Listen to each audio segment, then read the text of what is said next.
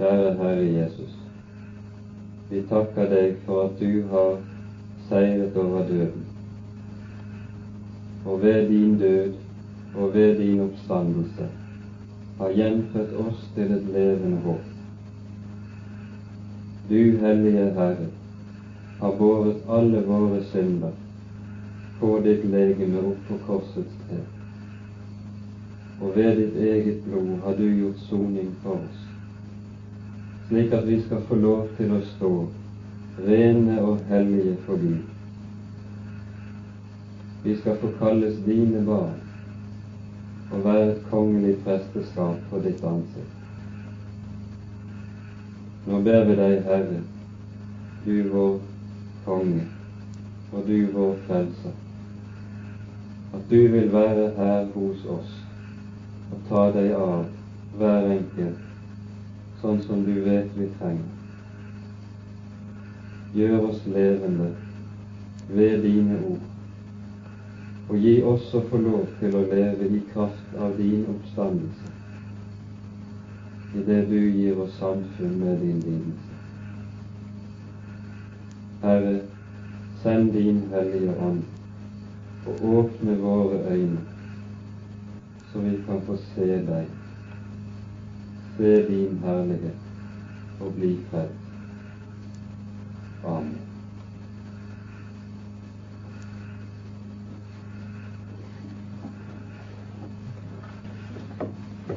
Forrige gang gikk vi, da vi gikk igjennom første halvdelen av det 15. kapittelet her i første Korinterbrev, var vi inne på de grunnleggende kjensgjerninger som hører frelsen til. Der apostelen minner om at den tro som vi forkynte, det er en tro som er bygget på og grunnet på nettopp kjensgjerninger. Det er en tro som har sin kjerne i det den Herre Jesus fullbrakte til vår frelse. Derfor ser vi at den kristne tro skiller seg fra all annen slags tro, idet den ikke som alle andre trosretninger først og sist gir oss en rekke oppskrifter på hvordan vi skal leve, og hvordan vi skal innrette oss. Det hører loven til.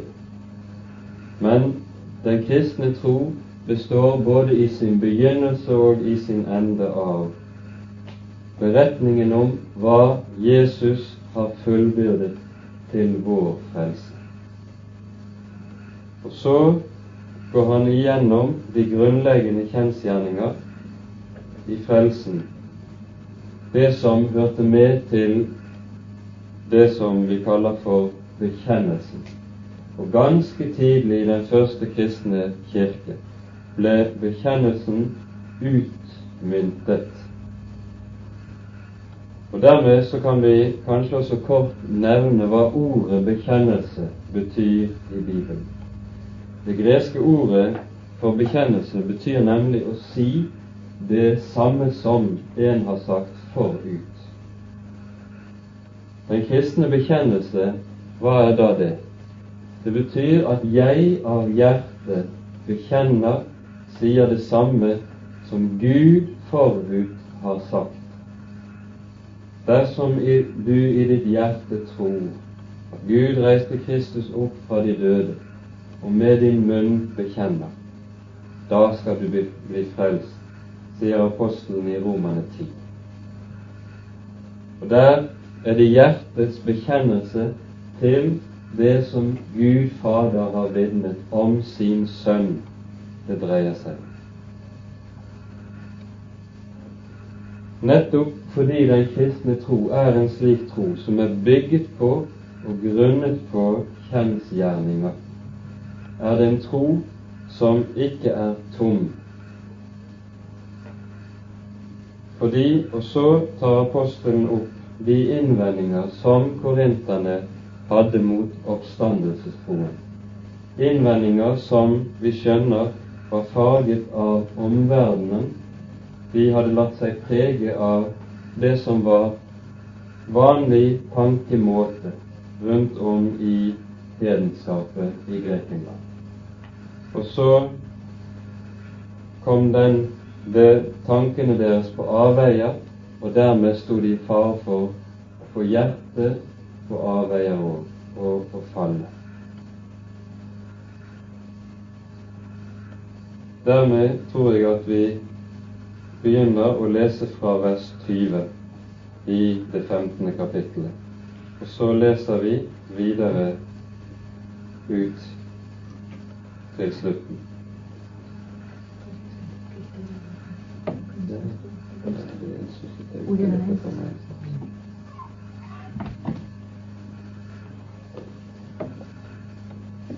Nå er Kristus oppstanden fra de døde, og han er blitt førstegrøden av de hensovede.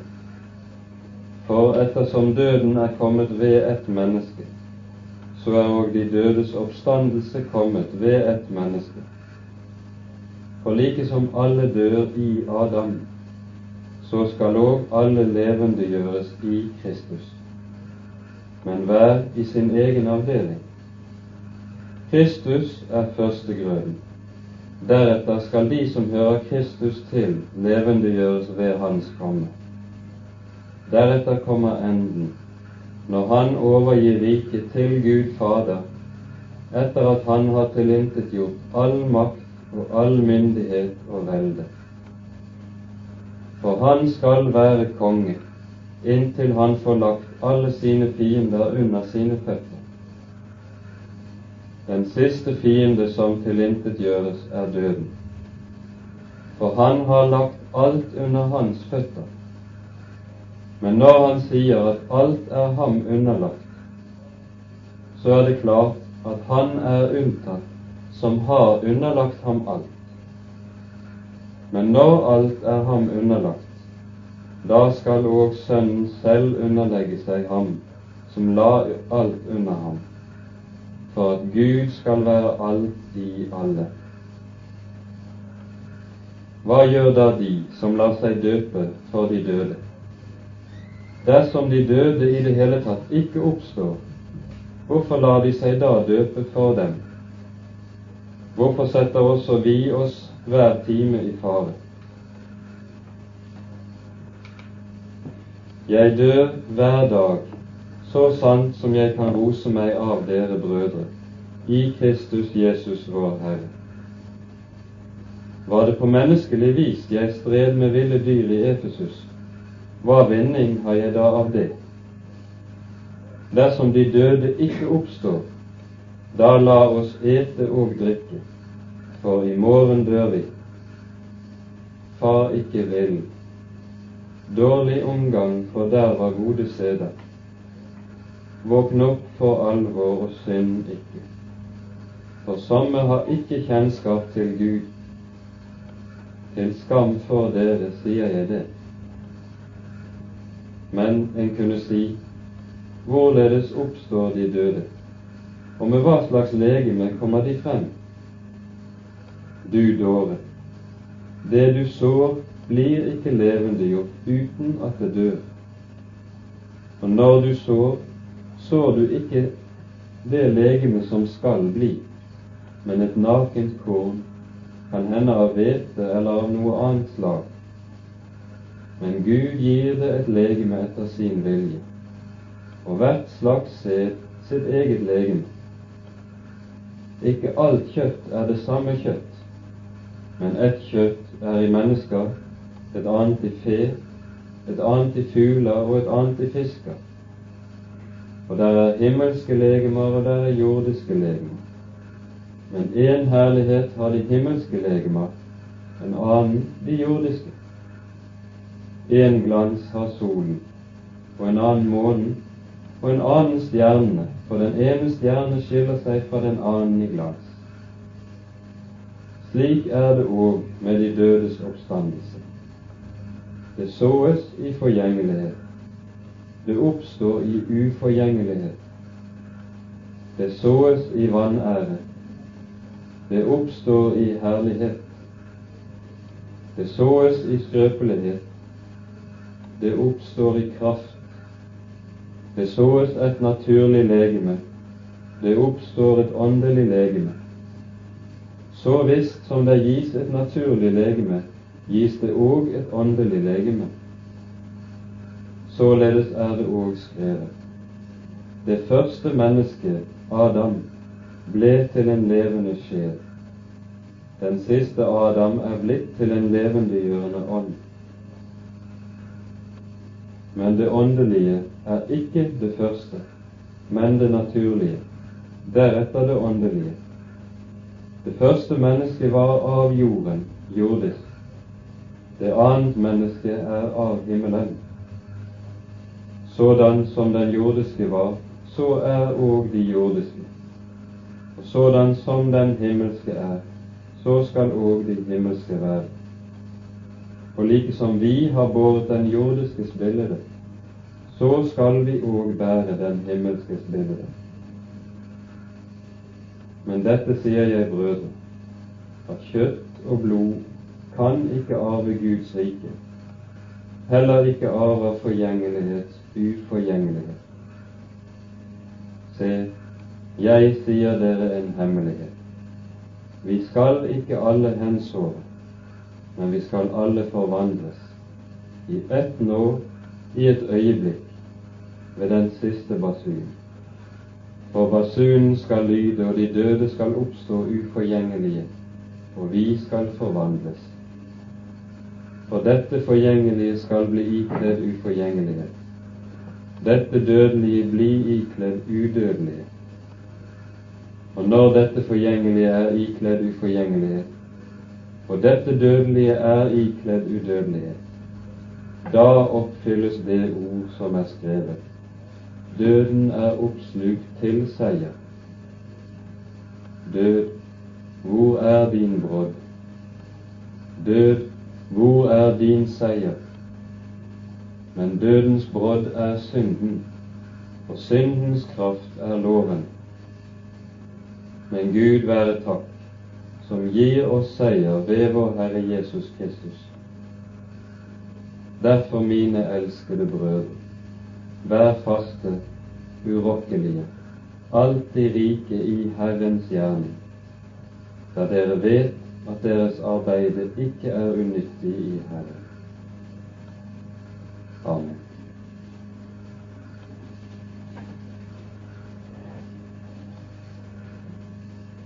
I vers 20, som vi begynte med å lese, er vi inne på det som vi kan kalle for en overgang eller en bro mellom to avsnitt i dette kapitlet. Vers 20 danner på en gang avslutningen på det foregående avsnitt, samtidig som det danner innledningen til det som nå kommer. Nå er Kristus oppstanden fra de døde, og han er blitt en førstegrøde av de hensovede. Her peker apostelen på hvorledes det kristne håp ikke er et håp som er grunnløst. I Efeserbrevets andre kapittel, når han taler om hvorledes efeserne hadde det før de ble omvendt og ble kristne, så sier han at på den tid var dere uten Gud og uten håp i verden fordi de ikke hadde lært den Herre Jesus å kjenne. Men i og med å lære ham å kjenne, så har de også fått håp i livet. Og dette håp har sin helt bestemte klippegrunn Jesu oppstandelse. Og like virkelig som døden er, like virkelig er oppstandelsen. Og dermed er også håpet like virkelig. Her bruker han et bestemt uttrykk for å beskrive dette. Jesus er førstegrøden. Og dermed refererer han til noe som hørte med i Det gamle testamentets offertjeneste. Der var det nemlig slik at etter den første sabbaten i påsken, nettopp i påsken, da skulle årets første grøde, de første kornbåndene som var høstet av avlingen, de skulle bæres inn i tempelet og svinges for Guds åsyn. Fordi førstegrøden var Gud Herrens eiendom. Slik hadde Israel ikke lov til å nyte noe av årets grøde før førstegrøden var fremstilt for Guds åsyn i tempelet. Og Jesus er nettopp en slik førstegrøde, som på en gang gir løfte om den avlingen som kommer. Samtidig som Jesus oppsto nettopp for Guds åsyn dagen etter sabbaten i påsken. Og slik ser vi at han også oppfyller det forbildet i Det gamle testamentet. Dermed ligger det i Jesu oppstandelse løftet om høsten som en gang skal komme. Og den høsten refererer jo Jesus til gang på gang i sin forkynnelse. Løft deres øyne og se markene, de er alt hvite til høsten, sier han i Johannes 4. Og når han taler om dommen i den siste tid, så sier han at da skal høstens herre sende ut sigden. Når han har brukt dette uttrykket, så går han over til et annet bilde som også henger sammen med Det gamle testamentet. Han taler om sammenhengen mellom Adam og Kristus. Og der er han inne ved noe som er en grunnsannhet og en nøkkel i den bibelske forkynnelse om Jesu betydning. Romerbrevets femte kapittel fra vers 12 av handler om dette. Der poenget er at ett enkelt menneske ble innfallsporten for både synden og døden i verden. Ved Adams ulydighet og ved Adams fall kom alle mennesker til å bli syndere, og kom alle mennesker til å komme inn under dødens herredømme. Og på tilsvarende måte er Jesus en slik stamfar. Ved hans lydighet, i kraft av hans rettferdighet og i kraft av hans seier over døden, drar han menneskeheten inn i livet, i gjenopprettelsen, og så blir han stamfar til en ny slekt slik at like som alle dør i Adam, slik gjøres alle levende i Kristus.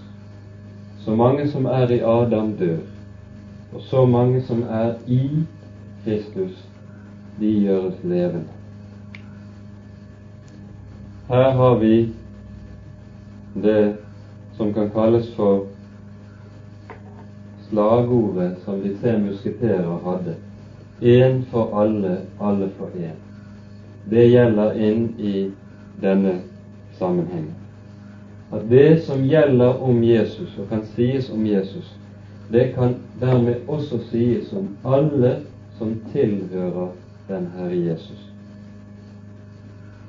Og akkurat som vi blir Adams barn ved den naturlige fødsel, og synden av herredømme i våre liv og preger våre liv i kraft av den arv og det miljø vi lever i i denne verden, så innebærer det å bli et Guds barn.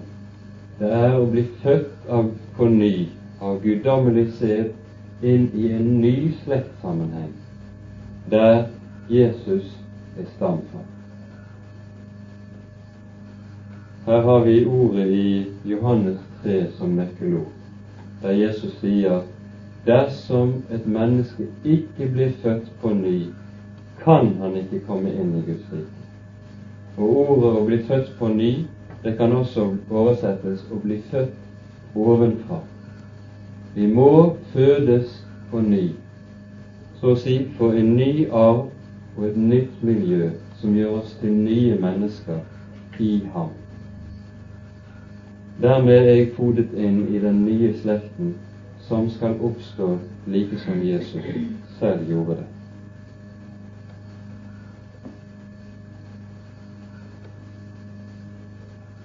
Nå blir det slik at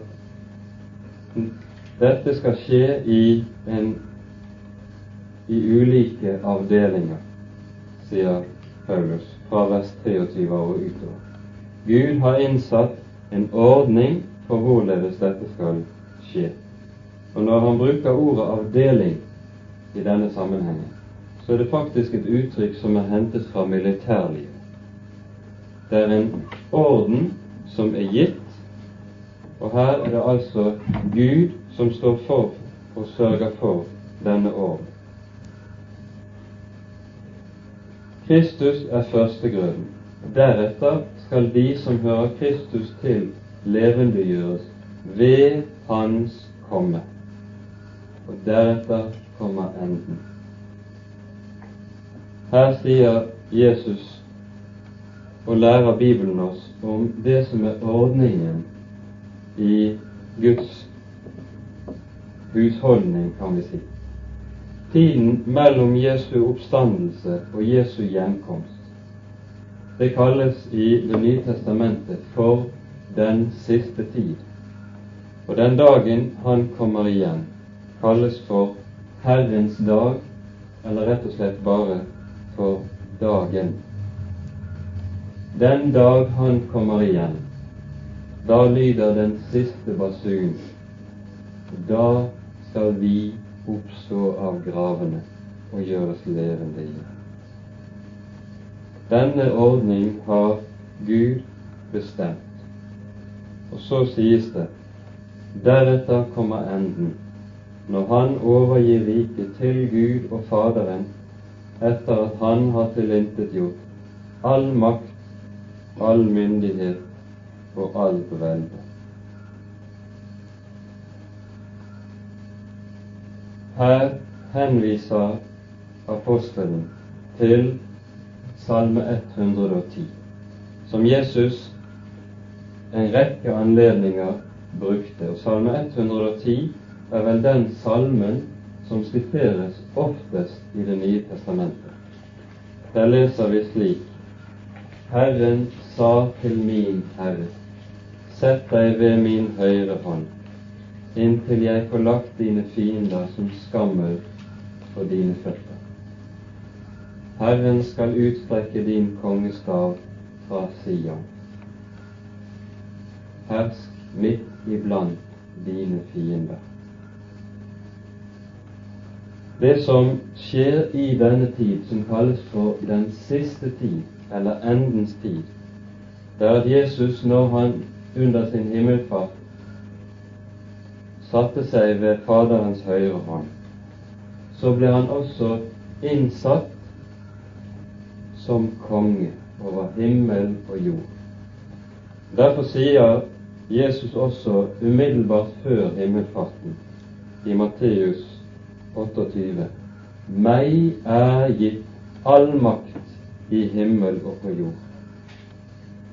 Hvordan kan Jesus si 'meg er gitt'? Eier ikke han som Guds sønn denne makt fra begynnelsen av, i og med at Jesus fra begynnelsen av var den som var med da himmel og jord ble skapt? Var midleren i skapelsen. Skulle han ikke dermed være den som hadde makten fra begynnelsen av? Jo, som Guds sønn har han det. Men det som det ligger i at Jesus sier 'meg er gitt', der ligger det i det at han som menneske er gitt og har all makt i himmel og på jord. Det er som Mennesket, han er den allmektige, kongen ved Faderens høyre hånd.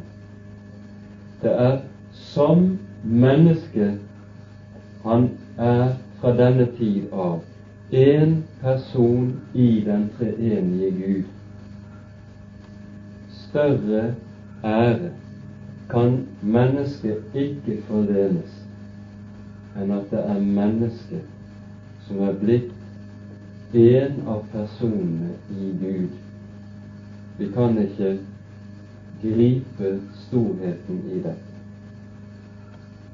Men når han slik er innsatt ved Faderens høyre hånd, så skal han i denne tid tilintetgjøre all makt, all myndighet og all velge.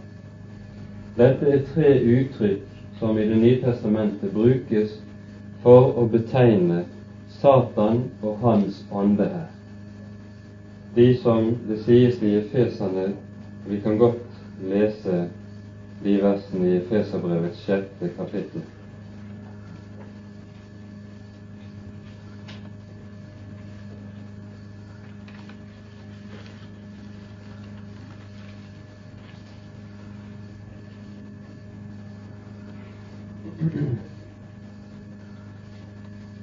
Der leser vi vers 11 og 12. Ikle dere Guds fulle rustning, så dere kan stå dere mot djevelens listige angrep. For vi har ikke kamp mot blod og kjød, men mot makter, mot myndigheter og mot verdens herrer i dette mørket, mot ondskapens ånde her i himmelrommet. Her taler Det nye testamentet om hvilken makt som er den rådende og bestemmende i denne verden. For det sies uttrykkelig i Bibelen at når Jesus står for Pilatus, sier han at 'mitt rike er ikke av denne verden'. Hans rike er et rike som kommer ovenfra. Denne verden er behersket av den onde, av Satan. Og Derfor kalles også Satan denne verdens fyrste eller denne verdens gud i Det nye testamentet. Og I 1. Johannes brevs 5. kapittel så sies det uttrykkelig at hele verden ligger i det onde. Fordi den onde er den som har innflytelse og er den dominerende maktfaktor i alt som skjer i verden enten det er på godt eller på ondt. Det som preger denne verdens makt og denne verdens fyrste, det er først og fremst én bedrift. Det er Guds opprøret. Det som gjorde seg gjeldende i syndefallet, og slangen lærte mennesket du skal bli like som Gud. Og det som senere er blitt menneskeslektens trang gjøre opprør mot ham, avsette Gud fra tronen, for selv å være Gud og Herre i eget hus. Dette er den onde interessert i å hjelpe menneskene til, at de kan nå så langt som overhodet mulig i å realisere denne drømmen om å ta Guds plass og ta Jesu plass som opprører. Og vi ser at mot endens tid, slik den er beskrevet i Johannes' åpenbaring, så skal menneskeheten nå usigelig langt i denne driften, inntil han kommer som kalles for Antikrist, som likesom skal legemliggjøre Guds opprøre og Guds hate. Og det står om ham at djevelen gir ham all makt og all sitt velde, velde, slik at han for en tid skal få råde, og ondskapen så å si skal ha frie tøyler i hele verden. Men nettopp da skal vi også se at noe av det samme skjer som skjedde den dagen da Guds sønn døde på korset. Da så det jo ut som at han som var livets fyrste og herre, når han hang der og utåndet, at nå led han nederlag. Nå har ondskapen hatt sin endelige seier, for nå har den drept Gud. Nå har ondskapen slått allmaktens herre til jorden. Tilsynelatende var det slik. Men nettopp når ondskapen nådde sitt klimaks på korset, da var det at Guds sønn seiret og overvant den ånde, slik at frelse, liv, rettferdighet kom frem på lyset, nettopp på korset, slik Jesu oppstandelse vitner om. Det samme skal skje på verdenshistoriens arena frem mot endens tid. At det skal se ut som at ondskapen fullstendig tar overhånd i verden. Og så skal den nå sitt klimaks. Og når det ser ut som ondskapen i historiens verden har nådd sitt mål, nettopp da skal den bryte sammen. Ballongen skal briste. Guds sønn skal komme tilbake, og så skal det for alltid være slutt på den onde og hans makt. Deretter kommer enden, når han overgir riket til Gud og Faderen etter at han har tilintetgjort all makt og all myndighet og velde. For han skal være konge inntil han får lagt alle sine fiender under sine føtter. Og den siste fiende som tilintetgjøres, er døden. Her i disse korte versene har vi hele verdenshistorien slik den er gitt oss i Johannes' åpenbaring, tenkt sammen i to eller tre korte vers. Og vi kan vel si det slik at versene i Daniels boks syvende kapittel gir oss dette i noe av en sum. Og de tror jeg vi skal ta oss tid til å lese.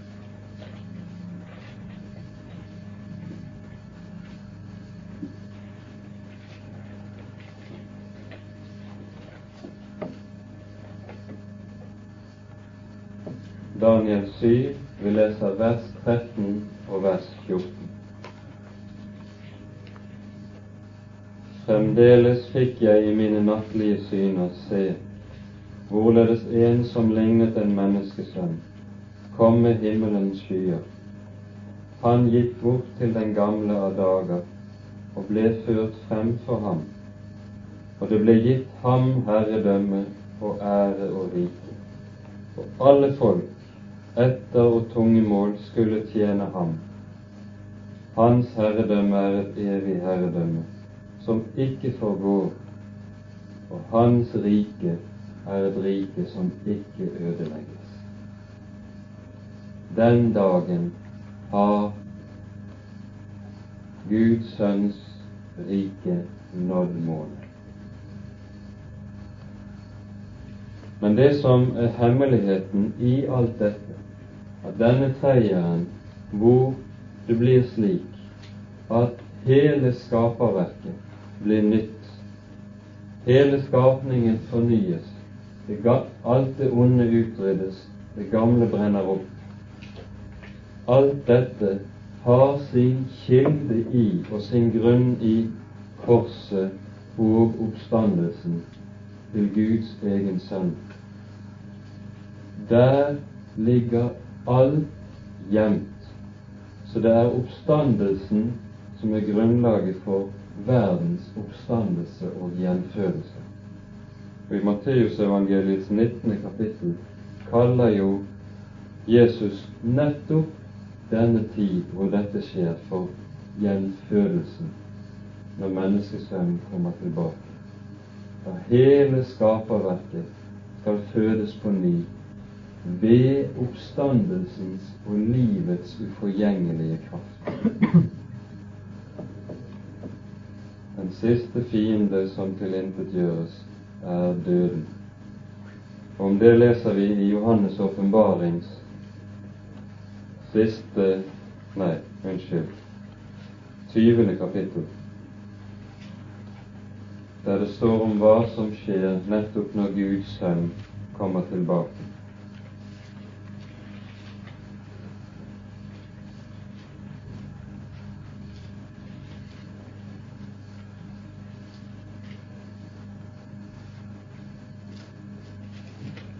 Leser vi fra vers 11. Jeg så en stor, hvit trone, og han som satt på den, og for hans åsyn vek jorden og himmelen bort, og det ble ikke funnet sted for dem. Jeg så de døde, små og store, stå for Gud, og bøker ble åpnet, og en annen bok ble åpnet, som er livsens bok. De døde ble dømt etter det som var skrevet i bøkene, etter sine gjerninger. Havet ga tilbake de døde som var i det, og døden og dødsriket ga tilbake de døde som var i dem, og de ble dømt, enhver etter sine gjerninger. Og døden og dødsriket ble kastet i ildsjøen. Dette er den annen død, til sjø. Og hvis noen ikke fantes oppskrevet i livsens bok, da ble han kastet i ildsjøen. Her står det om Han som enn kommer med den endelige dom. Døden og dødsriket kastes i ildsjøen og tilintetgjøres. Slik er det fordi i Bibelen er døden en, nettopp det den kalles for her en fiende. Døden er ikke en venn som man i stoisk ro liksom skal kunne møte som med glede, men det er en fiende fordi døden nettopp ikke fra Guds side hørte med i skaperverket. Det er noe som er trengt seg inn i skaperverket som noe dypt unaturlig og fremmed for hele skapningen. Døden er en fiende fordi den er Guds dom over synd. Men nettopp fordi døden er blitt den makt som behersker skapningen, en makt som bærer preg av dette fiendskapet, så er det også slik, sier Bibelen, hele skapningen, hele skaperverket, er til sammen i smerte og sukker etter forløsningen den dagen hvor døden ikke lenger er en avgjørende makt, men det er livet. Livet er det som bestemmer i alle ting. Det hele skaperverket gir gjenlyd av at livets fyrste har skapt liv av døden. Døden er tilintetgjort. Dette tales det om i Romerbrevets åttende kapittel, som dere kan se på når dere får anledning til det ved leilighet. Der hele poenget nettopp er dette at hele skapningen, himmel og jords fornyelse ligger gjemt i at Guds sønn seiret over død og grav. Og så kommer vers 28. Når, han, når alt er ham underlagt, djevelen og døden overvunnet og kastet i ildsjøen, da skal Sønnen selv underlegge seg ham som la alt under ham, for at Gud skal være alt i alle. Den dagen har skapningen nådd sitt mål. Og det usigelige som ligger gjemt i dette, det kan vi ikke fatte. Vi kan bare ane det. Fordi vi kanskje har smakt en duft av hva Hans oppstandelses liv innebærer, når vi har lært ham å kjenne. Gud skal være alt i alle.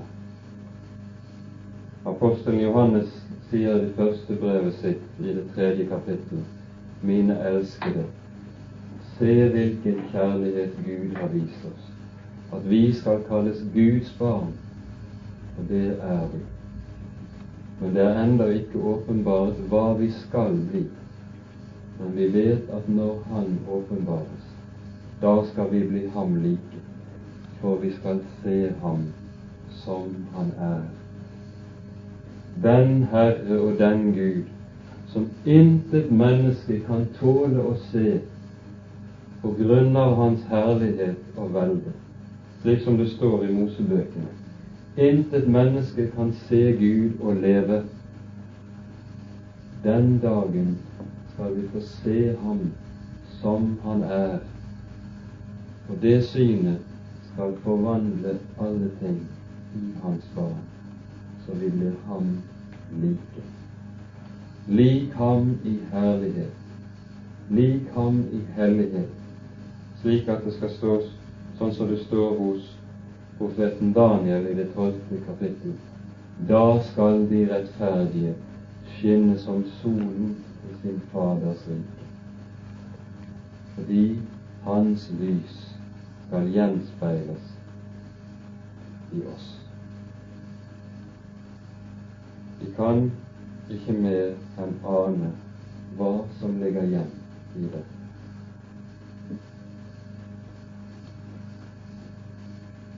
Så begynner han på et nytt avsnitt, der han spør fra vers 29 til vers 34, der han spør korinterne hva i det hele tatt hensikten er med å leve og tro som de gjør, dersom dette håpet ikke har noen grunn, dersom dette håpet bare er en illusjon og en livsløgn, sånn som det sto i versene tidligere i kapitlet. Er Kristus ikke oppstanden, da er vår forkynnelse intet, da er også deres tro intet. Hva gjør da de som lar seg døpe for de døde? Er det ikke tale om, slik som noen har tenkt oppover gjennom Kirkens historie, at det er noen som lar seg døpe stedfortredende på vegne av mennesker som er døde tidligere? Noe slikt finner vi ikke omtalt eller plass for noe sted i Bibelen overhodet. Etter den rent grammatiske betydning av disse ordene, så betyr det å la seg døpe for å bli fri fra døden. Vi kunne oversette det slik for å tydeliggjøre det. Dersom de døde i det hele tatt ikke oppstår, hvorfor lar de seg da døpe av denne grunn? Da, da har jo dåpen som inngang til Guds rike. Overhodet ingen mening. Og så fortsetter han. Og hvorfor setter vi oss, nemlig som apostler, hver time i fare? Så beretter han om hvordan han selv var på arenaen var kastet for ville dyr. Da var vitsen å ofre livet og satse livet. Hver dag leve i livsfare dersom det var en, var en løgn og en illusjon, dette. Jo tvert om fordi jeg vet at her er livet, at jeg også kan ofre livet dag for dag. Og om dette skriver han i 2. Korinterbrevs 4. kapittel. Og det tror jeg vi også skal ta med oss. For her finner vi noe av en bro inn til det som bærer videre inn i de påfølgende versene. Vers 10 og 11 hvor han taler om de trengsler og forfølgelser som apostlene og til en viss grad de kristne i øvrig også var gjenstand for. Så sier han alltid bærer vi Jesu død med oss i legemet, for at også Jesu liv skal åpenbares i vårt legeme. For ennå mens vi lever, overgis vi stadig til døden for Jesus skyld, for at også Jesu liv skal åpenbares i vårt dødelige kjød. Det som nemlig skjer med apostlene når de lever slik, det er en forsmak på det som skal skje i oppstandelsen fra de døde, gjennom at de fratas alt så å si dør hver dag. Blir svake, skrøpelige og hjelpeløse. Nettopp gjennom det kommer Guds kraft til uttrykk. I deres svakhet kommer allmakten i Kristi liv til syne. I deres hjelpeløshet kommer Herrens makt og arm til syne. slik som det overalt læres om i Det nye testamentet. Slik er det de lever. Og Dette danner altså broen over til det påfølgende avsnitt, der Paulus møter de spørsmål som umiddelbart melder seg for de som befatter seg med tanken om de dødes oppstandelse. Man kunne si, vers 35, hvordan oppstår de døde, og med hva slags legeme kommer de frem? For hvis det virkelig er en legemlig oppstandelse fra de døde, slik som det undervises om Nettopp av hensyn til slike spørsmål skriver apostelen det påfølgende avsnitt. Det du dåre, det du sår, blir ikke levendegjort uten at det dør. Og dermed så gjentar Paulus de ordene som Jesus selv lærte i Johannes evangeliet 12. Dersom ikke hvetekornet faller i jorden og dør, blir det bare det ene korn. Og det som gjaldt for Jesus, det gjelder også for oss. Det er svaret på spørsmålet om hvordan og hva slag. Når du sår, sår du ikke det legeme som skal bli, men et nakent kår hende av hvete eller om noe annet slag. Men Gud gir det et legeme etter sin vilje, og hvert slags ser sitt eget legeme.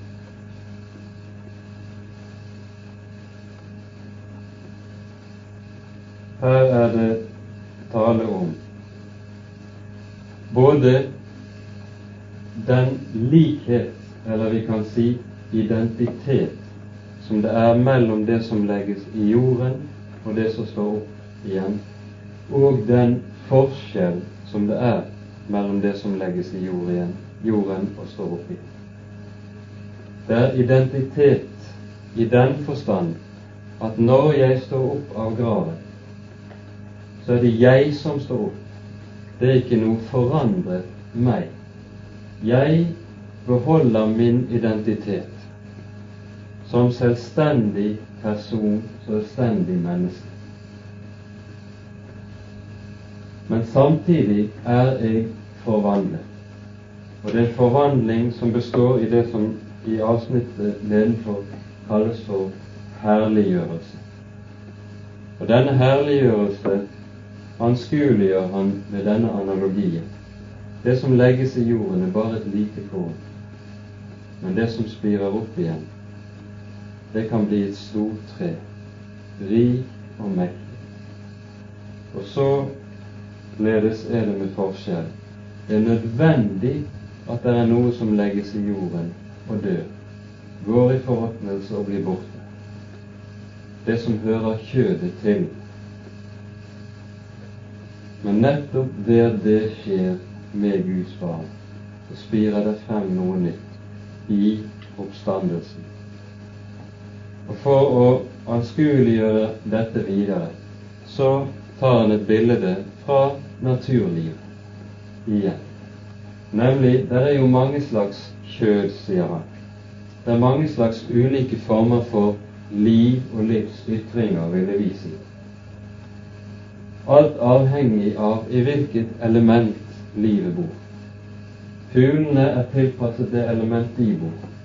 Dyrene der de bor, og fiskene vannet der de er.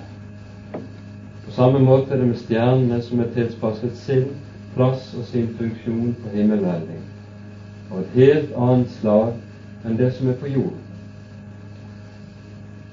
Og akkurat som det er mange ulike slags kjød, så anskueliggjør også dette at akkurat som det er noe slags kjød, noe slags liv, som er tilpasset denne verden, så er det en annen slags liv som er tilpasset den kommende verden og de livslover som gjelder der, hvor det er ingen død, der hvor det ikke er noen forgjengelighet, skrøpelighet, sykdom eller lidelse.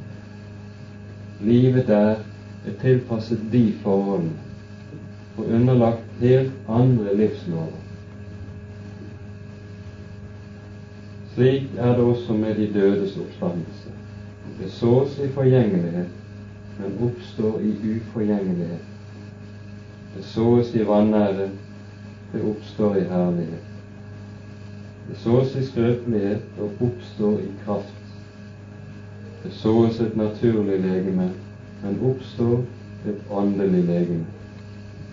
Så visst som det gis et naturlig legeme, gis der også et åndelig legeme. Og Dermed så er han inne på noe som for vår forstand virker underlig. Det er tale om et åndelig legeme. I Filippane 3, i vers 20 og vers 21, kaller han dette for et herlighetslegeme. Og hva som ligger i det, kan vi ikke forstå.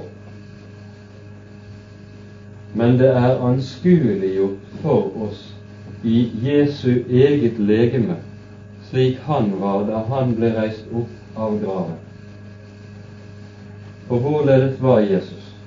Både vet vi at han hadde et legeme. Han fremstilte seg for disiplene nettopp som en som hadde kropp. Se naglemerkene i mine hender. Slik viste han dem både at det var legemet som var stått opp av graven, og at det var den samme personen med den samme identitet. Men dette legemet hadde egenskaper som er helt annerledes enn de vanlige egenskaper som tilhører den fysiske verden ellers. Han kunne gå gjennom lukkede dører, bli synlig og usynlig etter eget valg. Han steg opp i luften og trådte inn i himmelen ved Faderens høyre hånd. Vi ser at de alminnelige lovene som behersket vår naturverden, de behersket ikke det legeme som heter Hans herlighetslegeme. Hvordan det er beskaffent, det kan vi ikke utgrunne.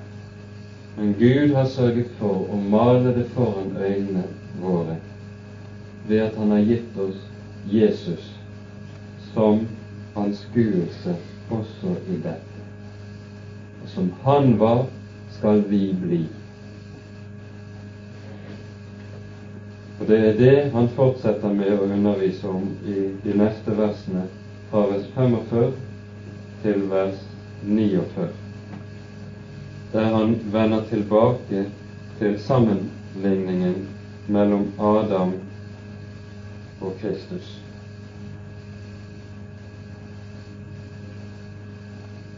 Således er det òg skrevet. Det første mennesket, Adam, ble til en levende sjel. Den siste Adam er blitt til en levendegjørende ånd. Men det åndelige er ikke det første, men det naturlige. Deretter det åndelige. Det første mennesket var av jorden, jordisk. Det annet mennesket er av himmelen. Sådan som den jordiske var, så er òg de jordiske. Sådan som den himmelske er, så skal òg de himmelske være. Og like som vi har båret den jordiskes spillere, så skal vi òg bære den himmelskes billede. Og Her ser vi hvordan Bibelen binder sammen for dette er noe som er et grunntema i Den hellige skrift. Når Skriften taler om enden og avslutningen, så taler den alltid i sammenheng med det også om begynnelsen. For det ene kan ikke tenkes uten det annet. Avslutningen og enden griper tilbake til begynnelsen.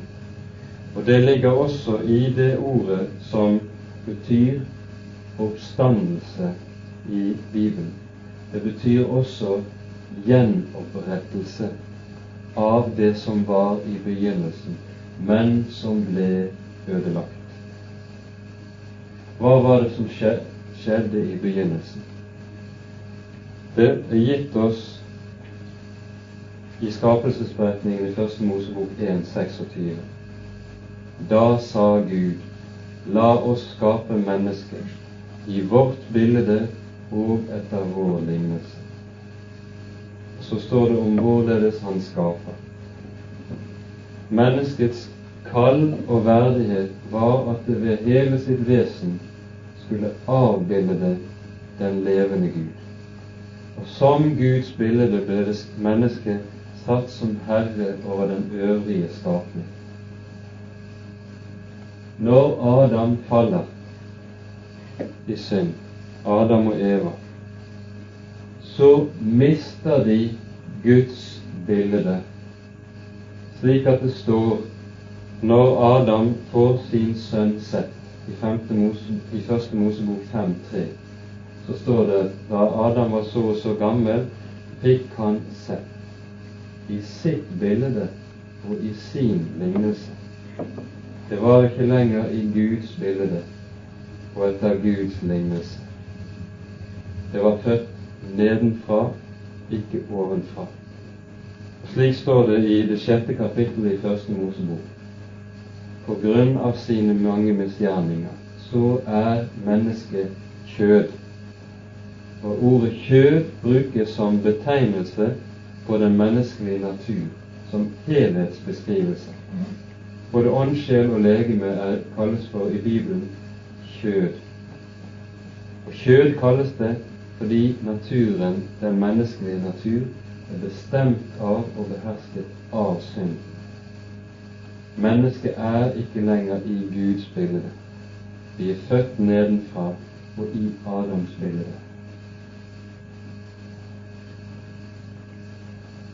Det som skal skje i fullendelsen, er at Han som er Gud, vil gjenopprette mennesket til det det opprinnelig var ment til å være. Og imellom står det én som kilde og opphav til hele den nye skapningen Jesus. Han som uttrykkelig kalles for i Kolosserbrevets første kapittel. Han er et bilde av Gud den usynlige. I Hebreerbrevets første kapittel står det om han at han er avglansen av Guds herlighet. Jesus er alt det vi skulle være, men ikke er. Og nettopp fordi han er det, så er det også han som er innsatt som konge over hele skaperverket, slik vi som mennesker var skapt til og satt til ifølge skaperberetningen, men ikke lenger er med rette.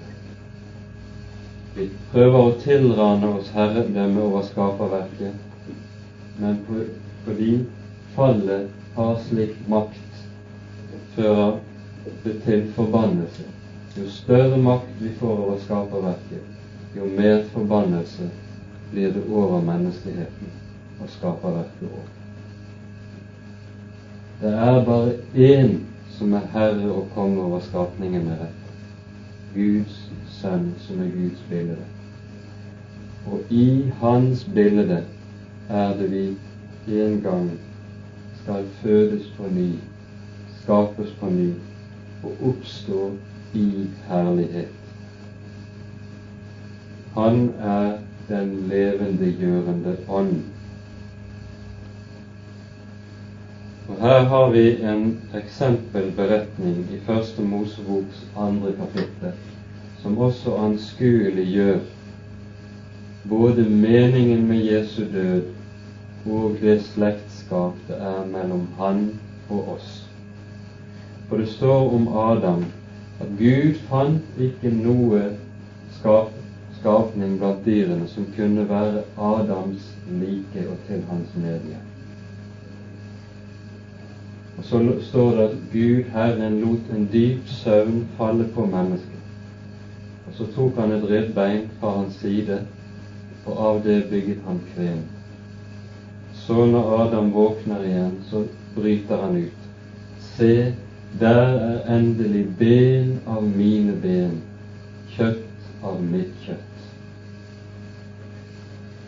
Derfor skal mannen forlate sin far og sin mor og holde seg til sin hustru, og de to skal være ett kjønn. Nøyaktig det samme er det som skjer i analogis form med Guds sønn. Han kom inn i den dype søvn, og ut av hans side, av såret, ble den nye skapning tatt menneskeheten. Slik at når Guds sønn fremstiller oss for Faderens trone som sin brud, som hører han til, så bryter han ut. Her er endelig kjøtt av mitt kjøtt, ben av mine ben.